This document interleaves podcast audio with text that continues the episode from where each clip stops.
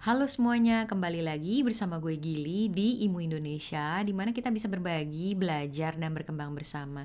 Di episode kali ini, gue kedatangan tamu spesial yaitu Teduardo Prasetyo.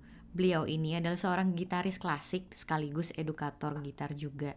Nah, di kesempatan kali ini kita ngebahas penting gak sih sebuah pembelajaran musik untuk seorang anak? Yuk, buat teman-teman yang pengen tahu, langsung aja. Satu, Selamat pagi, Tedo. Pagi, Gili. Ya, apa kabar nih? Baik, baik. Wah, syukur-syukur. Tedo, thank you banget nih buat ya. waktunya ya. bersedia untuk jadi narsum di IMU. Ya, makasih juga undangannya. Ya, sama-sama. Nih pengen ngobrol-ngobrol nih sama lu nih. Pengen nanya nih, lu tuh kan ngambilnya gitar klasik gitu ya? Hmm. Udah sejak umur berapa sih belajar gitar klasik nih? Belajar gitar klasik dari kelas 3 SD berarti umur berapa sepuluh ya? Sepuluh kayaknya. Sembilan atau sepuluh lah. Sembilan uh-huh. ya sekitar sembilan atau sepuluh lah. Wow. Itu pas ngambil gitar klasik memang lu yang minta atau orang tua yang support gitu? Uh, Tedo ambil aja gitar klasik gitu. Enggak sih. Sebelum dulu ditawarinnya mau piano atau gitar di EPM dulu. Hmm. uh, cuman uh, dulu kepikirannya itu ah gitar tuh mungkin maksudnya kayak gitar rock gitu loh. Maksudnya kayak yang ngeband gitu-gitu kan. Terus solo solo jadi aku pikir kayak ya udahlah ambil aja lah gitu. Ambil gitar aja kayak piano kayak lebih buat cewek gitu dalam pikiran seks, seksis anak-anak SD gitu.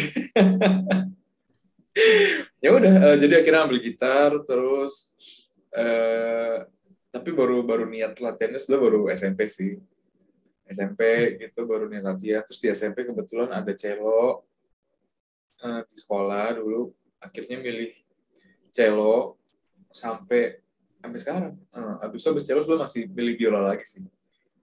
Biola? Jadi, uh, ada lagi milih biola lagi. Jadi cuman nggak terlalu nggak terlalu uh, otodidak lah itu wow jadi, anda multi talented gitu. sekali. Bisa gitar biola dan cello ya iseng suka iseng aja. Nice. piano belum nih piano piano. Piano aja yang belum. wow wow. Berarti itu uh, perjalanan journey music lu dari umur 9 ya sampai hmm. sekarang ya berarti ya. Terus waktu lu mutusin mau kuliah jurusan musik nih ke, di Jerman ya kalau nggak salah kan? Uh -uh. Itu tuh disupport nggak sama orang tua keputusan lu atau kayak sempat dibilang jangan deh kuliah yang lain uh, sebetulnya gitu. dulu waktu SMP itu kan baru fasenya kayak uh, fase yang tiap minggu tiap weekend beli CD di Distara gitu terus kayak pulang didengerin se se sedenger dengernya gitu semua lagu-lagunya. Terus kayak bener into music gitu kan. Terus sebenarnya pas SMA tuh mau masuk uh, eh, SMM aja waktu itu rencananya. Wow. Uh, cuman nggak dikasih.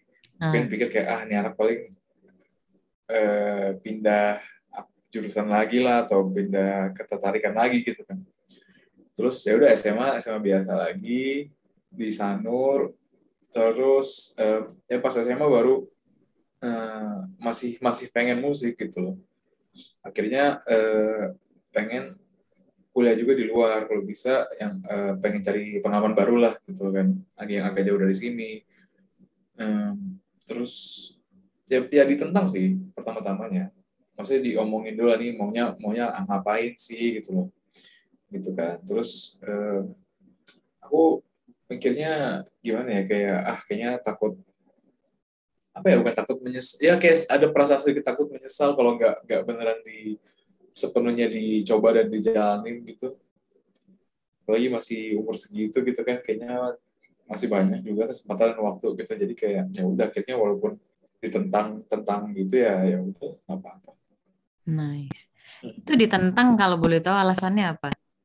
Ya alasannya ya musisi mau eh, makan apa? Iya, mau, mau kerja apa lah gitu. Ah. Mau kerja apa lah gitu. Nah, itu justru makan tujuan imu di sini hari ini untuk mem mematahkan stigma itu. Mematahkan stigma itu ya. Iya, ya, betul. Ya. Jadi ini berarti akhirnya lu ke Jerman kuliah itu pas diiyain orang tua pasrah aja atau kayak gimana tuh? Uh, pasrah aja sih. Pasrah aja. Uh, lebih ke arah pasrah sih. Mungkin juga emang uh, mungkin kelihatan kali ya gue dulu tertarik banget sampai nyari-nyari sendiri gitu kan maksudnya dari SMA gitu kan awal ikutan orkes ikutan wow. macem-macem lah gitu jadi kayak yang emang ya udah kegiatan anak ini sendiri aja gitu jadi mungkin mereka mikir kayak ya ya udahlah biar aja lah mungkin lebih keras itu ya walaupun sampai sekarang ya pasti tetap ditanyain gitu hmm. kadang-kadang ya masih ditanyain gitu cuman ya udah I see, I see. Ini menarik perhatian gue di sini nih. Lu jauh-jauh ke Jerman, ngambil musik, enak di bidang pedagogi, edukasi. Kenapa edukasi nih, Dok? Kok nggak ngambil uh, performance? Iya, waktu itu rencananya emang uh, maunya performance. Cuman di di jurusan di di kuliah gue itu tuh ada jurusan instrumental pedagogi itu. Jadi dia pedagogi tapi nggak terlalu banyak teori kayak ilmu pedagogi murni gitu. Dia masih ada bagian performance-nya yang agak sedikit lebih banyak daripada pedagoginya. Jadi pedagoginya lebih ke arah praktek dan gue mikir waktu itu emang ya uh, jadi musisi juga harus ngajar dan gue pengen ngajar juga gitu kan sebetulnya suka ngajar gitu. Ah, terus passion uh, ngajar nih. suka juga uh, uh. Hmm. jadi uh, ya udahlah ambil itu aja gitu. Itu kan udah pas gitu kan. Nanti baru masternya baru uh, ambil um, yang performance aja. Hmm. gitu. Sih sih. Hmm. menurut lu sendiri nih apa sih sebenarnya esensi dari sebuah pembelajaran musik gitu loh? Selain menjadi jago mainin sebuah instrumen penting nggak sebenarnya? Jago tuh susah ya. eh, jago itu relatif ya maksudnya ap, maksudnya gimana ya esensinya musiknya itu sendiri ya bukan bukan jadi jadi bagus dan uh, jago secara musik gitu nggak harus secara teknik atau gimana gitu sih sebetulnya esensinya esensinya pembelajaran musik ya main musik dan bisa mengekspresikan diri dengan baik. Supaya uh, atau ya ini ini pemikiran gue sendiri sih. Kayak gue merasa kayaknya banyak orang-orang yang karena tidak bisa menyalurkan ekspresinya dengan baik nggak ada mediumnya gitu ya. Jadi mungkin kan medium kan banyak kan bisa bisa nggak tahu mungkin bikin clay lah bikin bikin gelas lah bikin puisi lah apa pun itu kan. Itu kan sebenarnya kan bentuk penyaluran ekspresi orang gitu kan ya kalau orang bisa menyalurkan ekspresi melalui musik itu kan satu hal yang bagus gitu untuk orangnya ya kan lebih mindful hmm, nice nah. nice nice berarti lo encourage nih setiap parents mungkin atau teman-teman yang ngedenger di sini kalau punya anak nanti it's a must ya, for them pastilah. to have a music class. Pastilah. Uh, nice. Apa pun itu, ya kan. Mau mau gitar, mau trombon, mau tuba. yeah. Lebih ke gitu ini ya, sih. ya, apa uh, exposure buat anak-anak nge Eh, apa namanya mengekspresikan feeling mereka lewat sebuah yeah. medium tapi music gitu ya. Iya. Yeah. Oke oke. Okay. Yang menarik lagi nih sebagai musisi nih, lu kan berangkatnya dari klasik barat kan? Hmm. Dari kecil juga udah dieksposnya sama klasikal yeah, barat, barat gitu ya. Uh. Hmm. Nih lu sekarang sebagai edukator musik ada kiat khusus nggak sih buat ngenalin anak-anak didik lu uh, musik klasik Indonesia instead of musik klasik Barat. Karena kan maksudnya kita sendiri juga sebenarnya kaya banget dengan musik-musik klasik tradisi hmm. juga yang berasal dari negara kita. Cuman hmm. kebanyakan anak-anak tuh taunya ya pop-pop yang kekinian gitu. Hmm. Hmm. hmm. hmm gimana? Ya itu gue juga pengennya ngarah ke situ sih sebetulnya. Jadi kayak eh, kadang murid gue gue suka ngasih eh, link-link video aja apa pun itu gitu kan. Kayaknya coba dengerin gitu kan coba dengerin uh, misal ya musik barat yang dari yang yang misal dia udah kelihatan dia suka instrumennya nih gitu kan misalnya gitar ya kasih dia mungkin karya-karya uh, penting buat instrumen ini gitu misalnya koncerto apa gitu biar dia belajar juga gitu nanti biar dia cari tahu sendiri. Kayak gue dulu gue merasa kayak gitu kayak gue dulu harusnya sih kayak gitu ya maksudnya kayak coba cari tahu semuanya sebanyak mungkin dan belajar sebanyak mungkin gitu. Jadi setelah itu baru uh, cari tahu yang lain gitu kayak misalnya uh, musik Indonesia gamelan gitu gitu kan. Kayak gue juga dulu sempat belajar uh, main gamelan juga waktu uh, waktu di nice. Jerman kita belajar di Jerman. Ironisnya. Ironisnya belajarnya di Jerman. Gamelan apa nih? Jawa apa Bali? Gamelan Bali. Nice. Gamelan Bali. Uh, terus kebetulan gurunya uh, orang Lombok jadi uh, main musik Lombok sih. Uh, cuma di situ ironisnya. Bukannya di sini. Hmm. iya ya itu sih. Uh, mungkin kalau gue gue lebih pengen ngenalin mereka untuk um, ya coba dengerin aja gitu jangan cuma dengerin uh, musik yang biasa ada di yang kebetulan ada di radio aja gitu atau di YouTube gitu kan hmm. jadi lu lebih ngasih mereka banyak exposure tapi ada yeah. ngajarin juga nggak uh, kalau ngajarin enggak sih cuman kalau kalau gue kadang kalau uh, rencananya sih kalau misalnya uh, karena komposer buat komposer gitar di Indo kan juga nggak terlalu banyak gitu ya. Maksudnya hmm. karya-karyanya nggak terlalu banyak. Jadi ya itu sih rencananya sih uh, kalau ada sebenarnya kemarin gue sempat bikin kompetisi komposisi itu kan. Uh, jadi bareng sama uh, di UNJ di Universitas Negeri Jakarta. Ya kan tiap dua tahun ada kompetisi gitar jadi gue buat kompetisi komposisinya. Jadi karyanya dimainin di situ So itu salah satu cara buat um, ya makin banyak lah komposer kita di Indonesia jadi uh, mereka juga nggak cuma mainin karya-karya musik klasik barat gitu. Ini karya Indonesia nanti bisa macam-macam ke mana-mana gitu. Gitu sih. Nice, nice, nice. Oke. Okay. Dok, ada wejangan gak nih buat teman-teman imu di sini gitu kalau mereka juga pengen ngedalamin gitar klasik terus juga pengen jadiin profesi gitu supaya mereka berani untuk maju mungkin mereka juga ngerilet sama pengalaman lu yang sempet di you know ditolak, ditolak sama orang tua gitu nggak disetujuin. Hmm. gimana tuh? Hmm, mungkin kalau ingin belajar sesuatu melakukan sesuatu harus sepenuh hati dan seserius uh, mungkin gitu ya. Uh, terus juga jangan takut gagal juga gitu.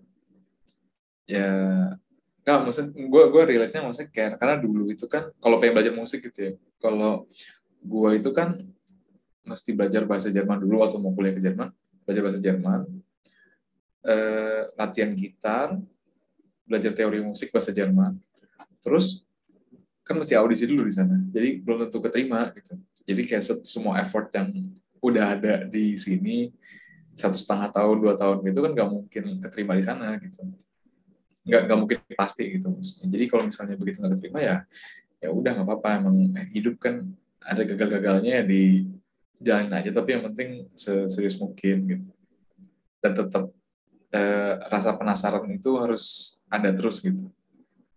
Convincing orang tuanya gimana? Uh, convincing orang tuanya. Nah ini nih. uh, apa ya mungkin uh, kalau gue sendiri sih mikirnya uh, kalau emang satu hal ini nggak tau gue gue suka konsep ikigai gitu sih kan lu kan suka baca gitu kan pasti tahu juga lah.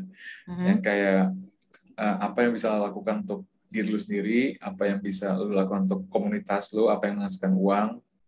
Jadi gue gue ke arah situ sih jadi menurut gue kalau misalnya ya, kalau misalnya itu membahagiakan lu, memberikan makan, ya memberikan menghidupi, men juga memberikan uh, giving back to community society, gitu, yeah. society.